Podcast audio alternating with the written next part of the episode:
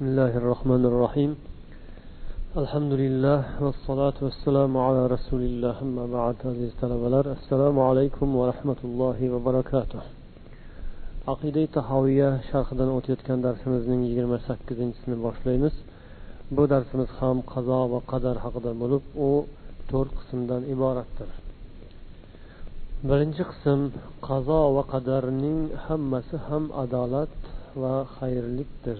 Ammo qazo va qadar tufayli sodir bo'ladigan narsalar esa ikki xildir. Ikkinchi qism qazo va qadar masalasiga chuqur kirishib ketish xorlikka eltguvchi yo'ldir. Uchinchi qism ilm ikki xildir. Haloyiqda mavjud ilm va haloyiqda mavjud bo'lmagan ilm. To'rtinchi qism lavhul mahfuzga va qalamga iymon keltiramiz. Endi bu darsimizni alohida tafsiloti bilan ko'rib o'tamiz. Birinchi qism qazo va qadarning hammasi ham adolat va xayrlikdir. Ammo qazo va qadar tufayli sodir bo'ladigan narsalar ikki ikki xildir. Qazo va qadar masalasi haqida gapirilar ekan odamlar tomonidan shunday bir savol qo'yilishi mumkinki agar kufr alloh taoloning qazoyi qadari tufaylidan sodir bo'lar ekan allohning xohishi bilan amalga oshar ekan unda biz qanday qilib allohning xohishini inkor etib yomon ko'ramiz? Ya'ni kofirlikni biz yomon ko'rishimiz kerak qazo qadarga esa rozi bo'lishimiz kerak edi. Buni qanday qilib tushunamiz? Alloh taoloning qazoyi qadari bilan kofirlik sodir bo'ldi. Biz esa kofirlikni inkor etamiz yomon ko'ramiz. Bu bizni ollohning qazoyi qadarini yomon ko'rganimiz bo'lib qolmaydimi? Holbuki biz alloh taoloning qazo qadarini hammasini qabul qilishimiz unga rozi bo'lishimiz qazoga rozi bo'lishimiz kerak edi degan savol qo'yiladigan bo'lsa unga javob berib aytiladiki qazo qadar masalasini biz ikki xil jihati borligini eslatib o'tamiz. Qado ya'ni hukm qilish. Qadar ham qazo ham ikkovi bir ma'noda. Alloh taolo belgilab o'zi hukm qilishi. Mana shu qazo qadar alloh taoloning hukmi alloh taoloning zotiga zoti bilan birga qoyim bo'lgan fe'l allohning fe'li o'zining fe'li xohishi istagi ekanligi e'tibori bilan unga biz rozi bo'lamiz. Alloh taoloning qazosi bu hammasi adolat va hikmat bilan sodir bo'ladi. Uning oqibati albatta yaxshilik xayrlikdir. Demak biz alloh taoloning qazosi ekanligi e'tibori bilan unga rozi bo'lamiz. Lekin ikkinchi bir narsa borki bu qado emas balki al maqdiy deb nomlaymiz. Qado hukm bo'lsa al maqdiy hukm qilingan narsa. Ya'ni qazoi qadar uning ustiga sodir bo'lgan narsa. Qazoi qadar tufaylidan sodir bo'ladigan narsa bu boshqa narsa. Qazo boshqa narsa va shu qazo tufaylidan sodir bo'ladigan narsa yoki voqea bu boshqa narsa. Qazo bu ollohning sifati maqdiy ya'ni qazo qilingan narsa esa u maxluq olloh yaratgan narsa. Mana shu maqdiy ya'ni qazo qilingan hukm qilingan narsa ikki qismga bo'linadi. Buning bir qismi rozi bo'linadigan yana bir qismi esa rozi bo'linmaydigan yomon ko'riladigan narsadir deb tushunamiz. Demak maqdiy ya'ni qazo qilingan qazoyi qadar tufaylidan sodir etilgan sodir bo'lgan narsalarning ba'zisi rozi bo'linadi ba'zisiga rozi bo'linmaydi. Demak iymon islomu yaxshilik xayrlik ezgulik savobu ehson bular rozi bo'linadigan narsalar. Biz unga rozimiz yaxshi ko'ramiz. Bu ham qadoi qadardan lekin yana shu maqdiy narsalar qado qilingan narsalarning yana bir turi borki ular rozi bo'linmaydigan kufr masiyat munofiqlik gunohlar bular demak rozi bo'linmaydigan yomon ko'riladigan narsa. Demak bu sodir bo'lgan narsalar ustida ikki xil qismga bo'lib o'rganamiz. Rozi bo'ladiganimiz va rozi bo'lmaydiganimiz. Ammo shu rozi bo'ladiganimiz ham rozi bo'lmaydiganimiz ham baribir alloh taolo tomonidan belgilab qo'yilganligi e'tibori bilan u qazo u hukm biz unga rozi bo'lamiz. Uni hammasi adolatdir deb qaraymiz. Ammo u qavo qadar tufaylidan sodir bo'lgan narsalarni esa ikki qismga bo'lamiz. Ya'ni rozi bo'linadigan va rozi bo'linmaydigan yaxshi ko'riladigan va yaxshi ko'rilmaydigan narsalar deb qaraymiz. Yoki bu narsani yana boshqacharoq qilib ham tushunishimiz mumkinki qado qadar buning ikki jihati bor. Bir jihati alloh taologa bog'liq ikkinchi jihati esa bandaga bog'liq tomonlari bor. Alloh taologa bog'liq jihati shuki u hamma narsani oldindan belgilagan yozgan oldindan hammasini o'zi xohlagan. O'sha tomonini agar o'ylaydigan bo'lsak shu tomonigadan qarab munosabat bildiradigan bo'lsak unga biz rozi bo'lamiz. Alloh taolo nimaiki xohlagan bo'lsa u hikmat bilan xohlagan adolat bilan xohlagan biz unga hammasiga rozimiz. Nimaiki bo'lsa ham rozimiz. Ikkinchi jihati esa bandaga taalluqli bo'lgan jihati. Bu jihatdan ba'zi ish bandadan sodir bo'ladigan ba'zi ishni ma'qullaymiz rozi bo'lamiz. Ba'zi ishni esa ma'qullamaymiz unga rozi bo'lmaymiz. Masalan odam o'ldirish. Buning ikki jihati bor.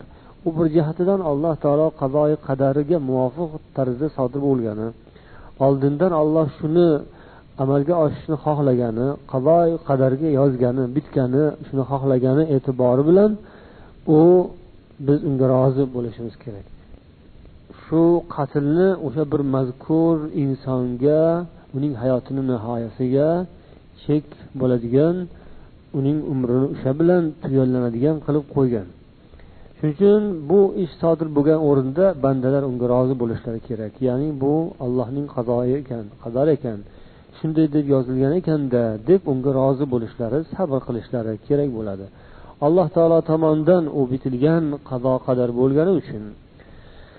Ammo bu narsa ikkinchi bir jihatidan ya'ni qotilning harakatidan sodir bo'lgani e'tibori bilan u shunga qasd qilgani shu narsaga kirishgani shuni o'z ixtiyori bilan amalga oshirgani alloh taolo qilmagin degan ishni allohga isyon qilgan holda u gunoh kabira qilgani jihatidan esa biz uni yomon ko'ramiz undan g'azablanamiz va belgilangan chora tadbirlar sifatida belgilangan jazo choralari unga qo'llanadi. Bu jihatidan yomon ko'riladi. Bir jihatidan rozi bo'linadi qazoyi qadar jihatidan. Bunga sabr qilish undan boshqa chora yo'q ekanligini tushunish. Sabr qilishdan boshqa chora yo'q ekanligini tushunish u qazoga rozi bo'lish bo'ladi. Ammo shu ishni bajargan insonni albatta qoralash unga jazo qo'llash bu esa shariatga muvofiq amal qilish bo'ladi. Bu jihatdan olinganda ushbu ishni qoralanadi uni gunohi kabira deb sanaladi. Unga aslo rozi bo'linmaydi. Ikkinchi qism qazo va qadar masalasiga chuqur kirishib ketish xorlikka eltguvchi yo'ldir. Abu hurayra roziyallohu anhudan rivoyat qilingan hadis. Buni imom ahmad abu dovud nasaiylar rivoyat qilishgan. Abu hurayra roziyallohu anhu deydilarki payg'ambar sollallohu alayhi vasallamning sahobalaridan bir guruh insonlar rasululloh sollallohu alayhi vasallam huzurlariga kelib u kuydan so'radilar. Dedilarki biz tabiatimizda ichimizda qalbimizda shunday bir narsalarni sezamizki hayolimizdan shunday bir fikrlar o'tib qoladiki buni gapirishdan qo'rqamiz. Buni gapirishni gunohi kabira judayam yomon ish deb bilamiz. Shu nima bo'ladi? deb so'rashdi. Payg'ambar alayhissalom shunday narsa haqiqatan ham qalblaringizdan hayollaringizdan o'tdimi? Ular ha deb javob berdilar. Payg'ambar alayhissalom mana shu ochiq oydin chinakam iymondir dedilar. Mana shu yerda demak o'sha qalbdan o'tadigan yomon fikrlarni har xil vasvasalarni sezib uni gapirishdan qo'rqish o'sha vasvasalarga berilib ketishdan ehtiyot bo'lishdir cho'chish. Mana shu iymonli kishining ishi. Demak iymonli odam xayoliga kelgan har qanday narsalarni tilga chiqaravermaydi. Dilidan o'tgan vasvasalarni darhol gapirmaydi. Uni har xil tomonlarini so'zlab o'zidan o'zi bilag'onlik qilavermaydi. Bu demak iymonli odamlarda albatta shunday holat o'tadi sodir bo'ladi lekin ular buni tillariga chiqarmaydilar. Yana bir hadisda imom muslim rivoyat qilgan hadislarida payg'ambar sollallohu alayhi vasallamdan vasvasa haqida so'rashdi. Shunda payg'ambarimiz tilka mahdul iymon bu chinakam haqiqiy iymondir dedilar. Ya'ni bu ham abu hurayra rivoyat qilgan hadisning ma'nosidagi hadiski bunda ham inson qalbida dilida vasvasalar bo'lib turadi. O'sha vasvasalarni inson daf etsa o'zini o'zi himoya qilsa qalbini iymonini himoya qiladigan bo'lsa o'sha shayton vasvasasini o'zidan nari qilib iymonini saqlab qolishga harakat qilgan bo'ladi. Mana shu chinakam iymon alomati bo'ladi. Iymonli insonlarning holatlari mana shunday bo'ladi degani. Bu sahobalar roziyallohu anhum va tobeinlar ularga yaxshilik bilan ergashgan tobeinlarning yo'llari edi.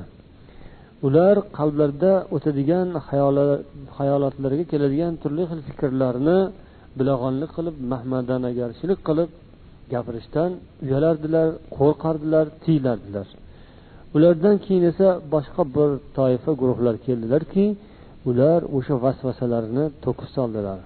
Qog'ozlarni o'sha vasvasalar bilan qoralab iflos qildilar. U vasvasalar har xil hayol va shubhalar inson dildan o'tadigan shakku shubhalar bu tashqariga chiqarilishi kerak bo'lmagan balkim alloh taolodan panoh so'rab o'z qalbini salomat saqlashga harakat qilinishi kerak bo'lgan holatlar edi. Sahobalar va tobeinlar bunday kezlarda alloh taologa iltijo qilib qalblarini salomat saqlashni so'rashardi va tillariga chiqarishmas edi. Ammo o'sha shakku shubhalarga berilib shayton vasvasalariga uchib ketgan insonlar uni dillarida saqlab turmasdan ichlariga yutib istig'for aytishni o'rniga shayton vasvasasidan o'zlarini xoli qilishga harakat qilishning o'rniga o'zlari shu vasvasalarga berildilar va boshqalarni ham shunga giriftor qildilar. Qog'ozlarni qoraladilar nafaqat qog'ozlarni balkim odamlarni qalblarini boshqa qalblarni ham qoraladilar.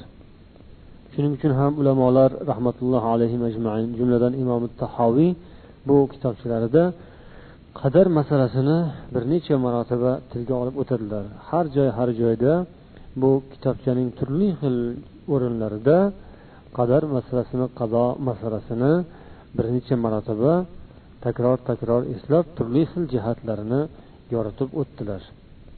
Imom ahmad rahmatullohi alayhi rivoyat qiladilar.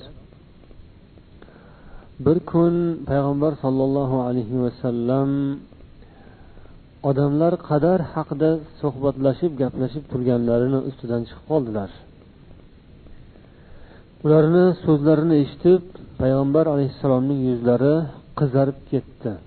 G'azabdan qizarib ketdi. Xuddi anor donalaridek yuzlariga anor donasi suv sepilgandek qizarib ketdi.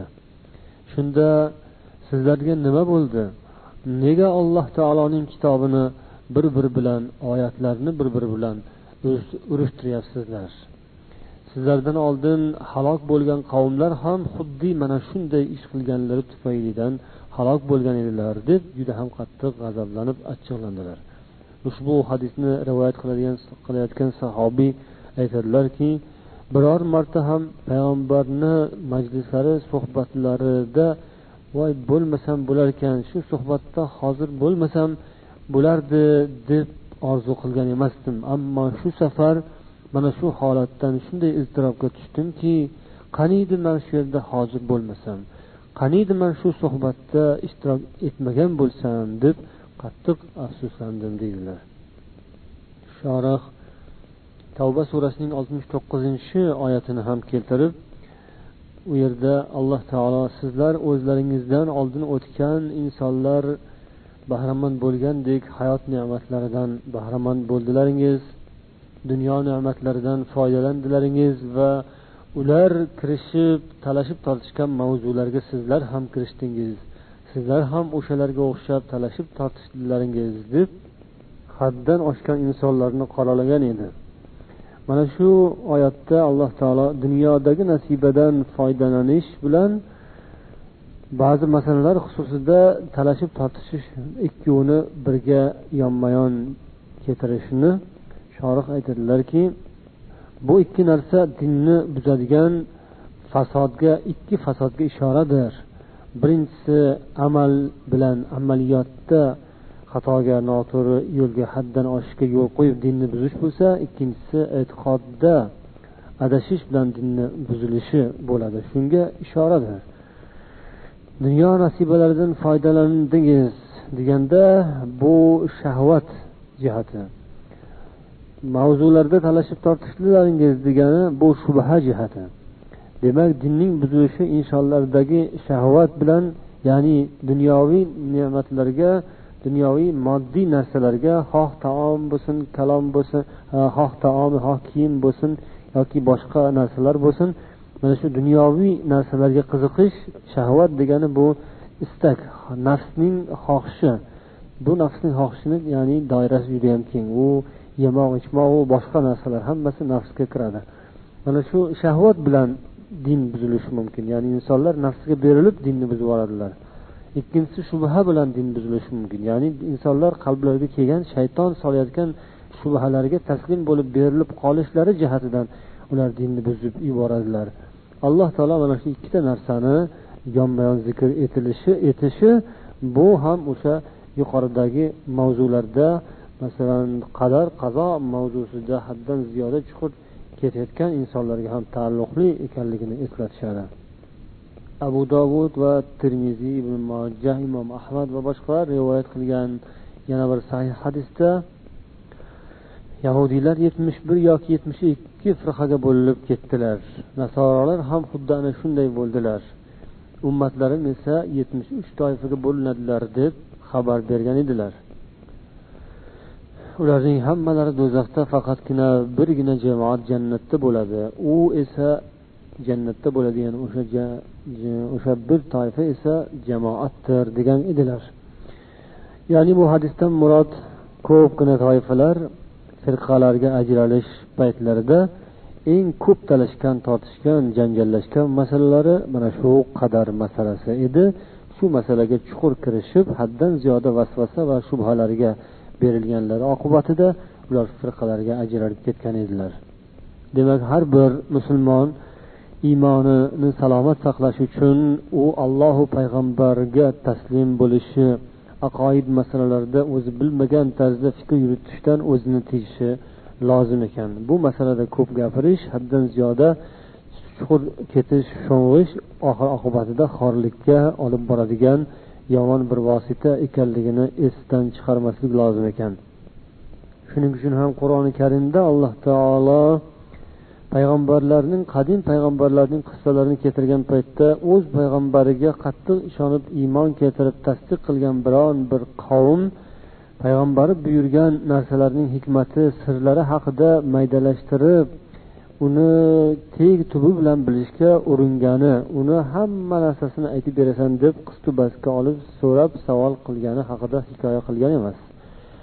Ko'pgina payg'ambarlar qavmlari ularga chin dildan iymon keltirganlari ularni ummatlari payg'ambarlarini buyruqlarini bajonidil qabul qilgan va bo'ysunib unga amal qilganlari haqida va olloh bildirgan bo'lsa u sirru asrorlari hikmatlaridan bahramand bo'lgan boxabar bo'lgan bildirmaganiga hech qanday ikkilanmasdan itoat etaverganlari haqida hikoyalar qilgan. Demak alloh taolo yuborgan elchi payg'ambar u qavm uchun eng buyuk katta hujjat edi. Mayda chuyda narsalarga berilib ketishga hojat yo'q edi. Rasul allohning elchisi ko'z o'nglarida turgan haqiqat edi. Mana shuning o'ziga ular itoat etishgan shuni o'ziga ular rozi bo'lishgan. Ulardan keyingi keladigan qavm ham mana shu yo'ldan bormoqlari lozim. Shuning uchun ham bu musulmon ummatining salaflari sahobalar va ularga ergashgan tobeinlar ular ham shu yo'lni tutdilar. Ular musulmonlarning ichlarida eng aqlli va eng bilimdon kishilar. Edilar. Ana shunday bilimdon insonlarning yo'llari u yo'l haqiqiy yo'ldir. Ular olloh nega bunday buyurgan ekan nega bu masala bunday hal qilingan ekan deb vasvasalarga berilmadilar. Payg'ambarni bunday savollarga tutmadilar. Ular o'zlarini bunday savollardan tiydilar. Shuning uchun ulardan keyin yaxshi yo'l tutgan ularga yaxshilik bilan ergashgan insonlarning ham odoblari xuddi ana shunday bo'lishi lozim ekan. endi darsimizning uchinchi qismiga o'tamiz bu ilm ikki xildir haloyiqda mavjud ilm va haloyiqda mavjud bo'lmagan ilm deb nomlangan bu o'rinda aqida tahoviyani yana navbatdagi matnlari bilan tanishamiz فهذا جملة ما يحتاج إليه من هو منور قلبه من أولياء الله تعالى وهي درجة الراسخين في العلم لأن العلم علمان. علم في الخلق موجود وعلم في الخلق مفقود. فإنكار العلم الموجود كفر وادعاء العلم المفقود كفر. ولا يثبت الإيمان إلا بقبول العلم الموجود وترك طلب العلم المفقود. Mana shu zikr etilgan narsalar allohning avliyolaridan bo'lgan qalbi nurli inson bilishga muhtoj bo'ladigan masalalardir. Ilmda yuksak cho'qqilarga erishgan insonlarning maqomlari ham mana shudir. Chunki ilm ikki xil bo'ladi. Haloyiq ichida mavjud ilm va haloyiq ichida mavjud bo'lmagan ilm. Mavjud ilmni inkor etish kufrdir. Mavjud emas ilmni bilaman deb davo qilish ham kufrdir. Mavjud ilmni qabul etib mavjud bo'lmagan ilmni qidirishni tark etmaguncha iymon salomat bo'lmaydi. Yuqoridagi iboralarda mana shu yuqorida zikr etilgan deb keltirilgan o'rinlarda shorih avvalda e, aytilgan bayon etilgan e'tiqod qilinishi lozim bo'lgan amal etilishi vojib bo'lgan shariatdan hisoblangan allohu payg'ambar bildirgan narsalarga ishora bo'ldi. Ilm bu payg'ambar keltirgan ilm. Mufassal yoki jumlatan nafiyu isbot jihatidan keltirgan ilm payg'ambar o'rgatgan ilm ana shu mavjud ilm shudir. Mavjud ilm alloh taolo tomonidan bandalariga yetkazilishi lozim bo'lgan ma'lumotlar ilmlar. Uni payg'ambar keltirgan. Alloh o'zi rozi bo'lgan inson orqali bandalari bilishlari kerak bo'lgan shariat bilimlarini yetkazgan. Buni qabul etmoq shuning doirasida harakat qilmoq lozim. Mafqud ilm ya'ni haloyiqda mavjud bo'lmagan haloyiqda yo'q ilm bu qadar ilmidir. Bu shunday ilmki alloh taolo uni uning kitobini qadar ilmi kitobini bandalardan yopib qo'ygan va uni bilishga qiziqishdan unga intilishdan bandalarni taqiqlagan. Chunki bandalarning aql doiralari toqatlari bunday ilmni mukammal egallashga tagi tubi bilan sir asrorlargacha mushohada va idrok etishga qobil emasdir. Bunday qobiliyatni iste'dodni alloh taolo yaratmagan bandalarga bunday toqatni bermagan. Shuning uchun ham behuda ovoragarchilikdan bandalarini o'z rahmati tufayli qaytargan. Uning o'rniga mavjud ilmni egallasalar shu ham katta gap. Chunki mavjud ilm shariat ilmi uning asoslari va furuatlari bu boradagi bilimlar bu ham bir tubsiz dengiz bu ham cheksiz ilm buning ham hammasini bir inson egallab o'qib o'rganishi uchun uning umri aslo kifoya qilmaydi. Shuning uchun alloh taolo bergan imkoniyat qadar mana shu mavjud ilmni shariat ilmini o'rganishga ular har qancha vaqtlarini sarflasalar har qancha kuch quvvatlarini bag'ishlasalar arziydi. Hech kim payg'ambar darajasida ilmli bo'la olmaydi. O'sha payg'ambarda mavjud bo'lgan ilm bu mavjud ilmdir bu haloyiqda bor ulamolarda bor. Butun dunyo ilm ahlida davom etadigan ilm ana shu mavjud ilm buni har qancha o'rgansangiz shuncha kam unga vaqtingiz ham yetmaydi. Bu ilmlardan nimaniki agar inson inkor etadigan bo'lsa mavjud ilmdan demak nimaniki inson rad etsa inkor etsa demak u kofirlardan bo'lib qoladi.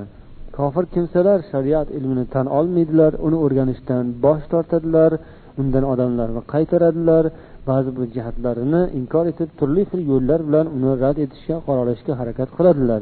Demak bu kufrdir.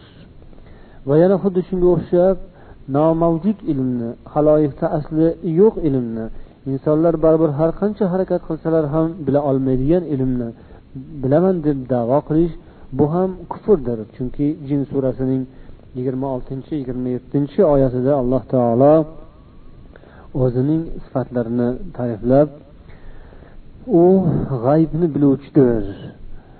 O'zining g'ayb sirlariga hech bir kimsani xabardor qilmaydi. Ammo o'zi elchilaridan xohlaganiga g'ayb ilmidan xohlagan me'yorda ato qilishi mumkindir deb xabar bergan. Yana luqmon surasining o'ttiz to'rtinchi oyatida alloh taoloning huzuridadir qiyomat vaqti haqidagi ma'lumot deydi. U yomg'irni tushiradi va onalar qornida nima borligini biladi. Va har bir jon egasi ertaga nima ish qilishini u olloh biladi va har bir nafs jon egasi qaysi joyda vafot topishini ham u alloh taolo biladi. Albatta alloh hamma narsani biluvchi barcha narsadan xabardor zotdir degan. Bu oyatda beshta g'ayb nuqtalarini alloh taolo o'ziga xosladi. Buni o'zidan boshqa hech kim bilmasligini e'lon qildi va shuning keyingidan tag'in bunga ergashib keladigan ko'pgina g'ayb ilmlarni alloh taolodan boshqa hech kim bilmasligi hadislarda vorid bo'lgan. Alloh taolo yaratgan narsalarning allohning xohishi bilan joriy bo'ladigan voqea hodisalarning hikmatlarini bilmaganimiz bu uning kerak emasligini bildirmaydi. Bizning bilmaganimiz bilan o'sha hikmat yo'qqa chiqib qolmaydi. Ilonu chiyonu shunga o'xshagan zararli hasharotlardan biz darhol biladiganimiz zarar zahar insonlar uchun ziyonu zahmat ekanini birinchi galda darrov bilamiz balkim ko'pchilik insonlar bunday maxluqotlarni faqat zararli narsalar deb hatto rasmiy tilda ham uni zararkunandalar deb aytiladi. Lekin ularning yaratilishida mavjud bo'lgan hikmatlarni sirru asrorlarni hammasini ham inson bilavermaydi. Biz o'shanday narsalarning sirri asrorlari va hikmatlarini bilmasligimiz ularni ortiqcha narsa ekan deyishimizga aslo olib kelmasligi kerak.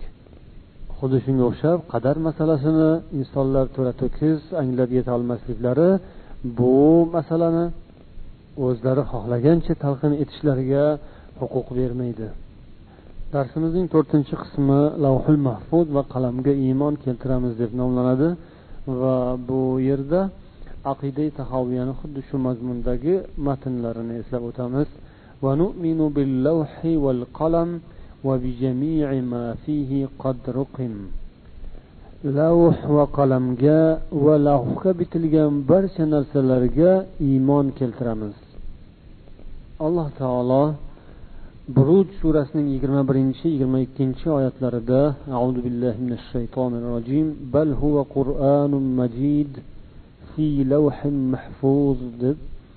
Bu qur'on ulug' qur'oni karim kitobi lavhul mahfuzda yozilmish har qanday ziyonu zahmatdan zarardan va o'zgartirishlardan saqlangan salomat saqlangan kitob ekanligi haqida xabar bergan.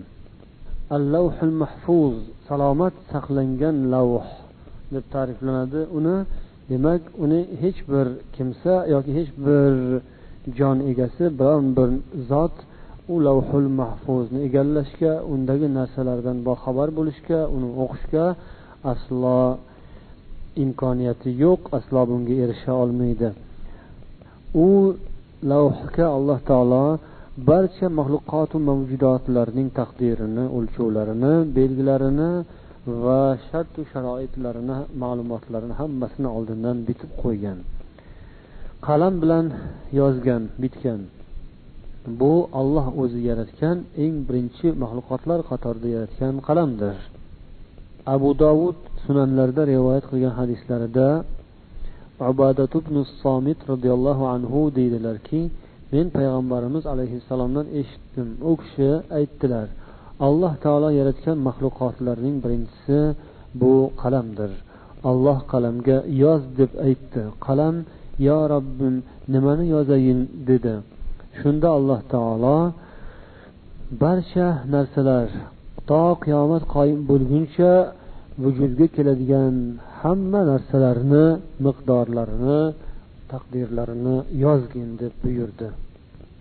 Ulamolar bu qalam maxluqotlarning avvali shu qalammi yoki arshmi degan masala ustida ham ixtilof qilishgan ekan. Ba'zilar u fikrda ba'zilar bu fikrda to'g'rirog'i esa arsh bu qalamdan oldin yaralgan deydilar. Imom buxoriy rivoyat qilgan hadisda payg'ambar sollallohu alayhi vasallam deydilarki qaddarallohu maqadiral xalqi qabla an yakhluqa as-samawati wal arda bi 50 alf sanatin va arshuhu ala al-ma. Alloh taolo barcha haloyiqning taqdirini osmonlaru yerni yaratmasdan ellik ming yil oldin belgilab qo'ygan. O'shanda allohning arshi suvning ustida edi deyilgan. Mana shundan ma'lum bo'ladiki demak taqdirlarni yozish belgilash bu arshni yaratgandan so'ng sodir bo'lgan. Taqdirni yozish qalamni yaratilgan mahali birinchi sodir bo'lgan ish bo'ldi. Yuqorida keltirilgan obadat somitning hadislaridan ya'ni avval yaratilgan maxluq bu qalam edi degan hadisdan ikki xil ma'no chiqarishgan ekan. Uning birinchi ma'nosi alloh taolo qalamni yaratgan paytda avval boshlab taqdirni yozishga buyurdi. Birinchi taqdirni yozishga buyurdi degan ma'noni ham berishgan ekan. Bunga ba'zi rivoyatda deb o'qilgan iboralarni hujjat keltirishadi. Ya'ni avvalu emas avvala deb o'qilganda alloh taolo qalamni yaratgan paytida avvalda mana shunday buyurdi taqdirni yozishga buyurdi degan ma'no chiqarilgan ekan. Agar avvalu avvalu deb o'qiladigan bo'lsa unda mana bu olamdagi narsalar maxluqotlarning eng avvali qalamdir degan ma'no chiqadi. Ikkovi hadis ham shunda bir biriga muvofiq mutobiq keladi. Ya'ni arsh bilan qalamni uni ham eng avval yaratilgan buni ham eng avval yaratilgan degan so'zlarni bir biriga kelishtirishni o'rni shundaki demak qalam arshdan keyin yaratilgan lekin bu olamni ichidagi narsalardan bu olamni ichida yaralgan narsalarning eng avvalidir deb tushuniladi. Mana shu maxluqotlarning eng avvali birinchisi bo'lgan qalam bu qalamlarning eng afzali va buyugi ulug'i deydilar tafsir ahllaridan bir nechalari. Alloh taolo qur'oni karimda nun val qalami va ma yasturun degan oyat qalam surasining birinchi ikkinchi oyatlarida qalamga qasamyod etgan o'sha qasamyod etilgan qalam shu avvalda yaralgan qalamdir deb ma'no berishgan ekan. Hadislarda qalamlar haqida gap ketadi. Ya'ni qalamlar taqdirlarni yozib bo'ldi degan iboralar uchraydi. Ulamolar bu qalamlarni ta'riflab o'rganib buni to'rt qismga bo'lgan ekanlar. Qalamlar to'rtga bo'linadi. Birinchi qalam bu o'sha lavhul mahfuzga yozgan qalamdir. Bu hamma narsa barcha jami barcha maxluqotlarga taalluqli bo'lgan daxldor bo'lgan qalam.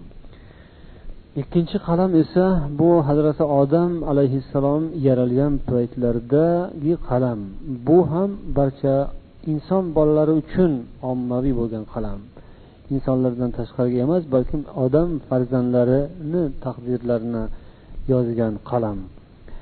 Bu qalam bilan odam farzandlarining umrlari rizqu nasibalari saodatlari yoki shaqovatlari bu bitilgan o'sha qalam bu ikkinchi qalamdir. Uchinchi qalam esa bu har bir ona qornida farzand paydo bo'lganda homila paydo bo'lganda unga yuboriladigan malak farishtaning qalami. U farishta go'dakka o'sha homilaga jon kirgizadi va to'rt kalimani yozish unga yuklatilgan. Rizqini yozadi va muddatini yozadi ajalini umrini qiladigan amalini baxtli yoki baxtsiz ekanligini yozadi. O'shandagi farishtaning ixtiyorida bo'lgan qalam.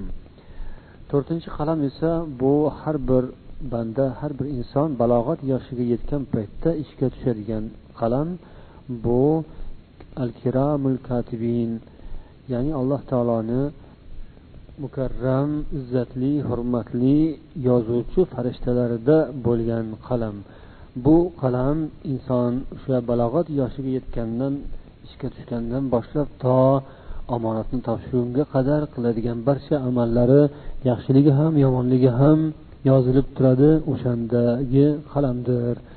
Deydilar bu mana shunday qilib qalamlarni to'rt xil guruhga bo'lishgan ekan.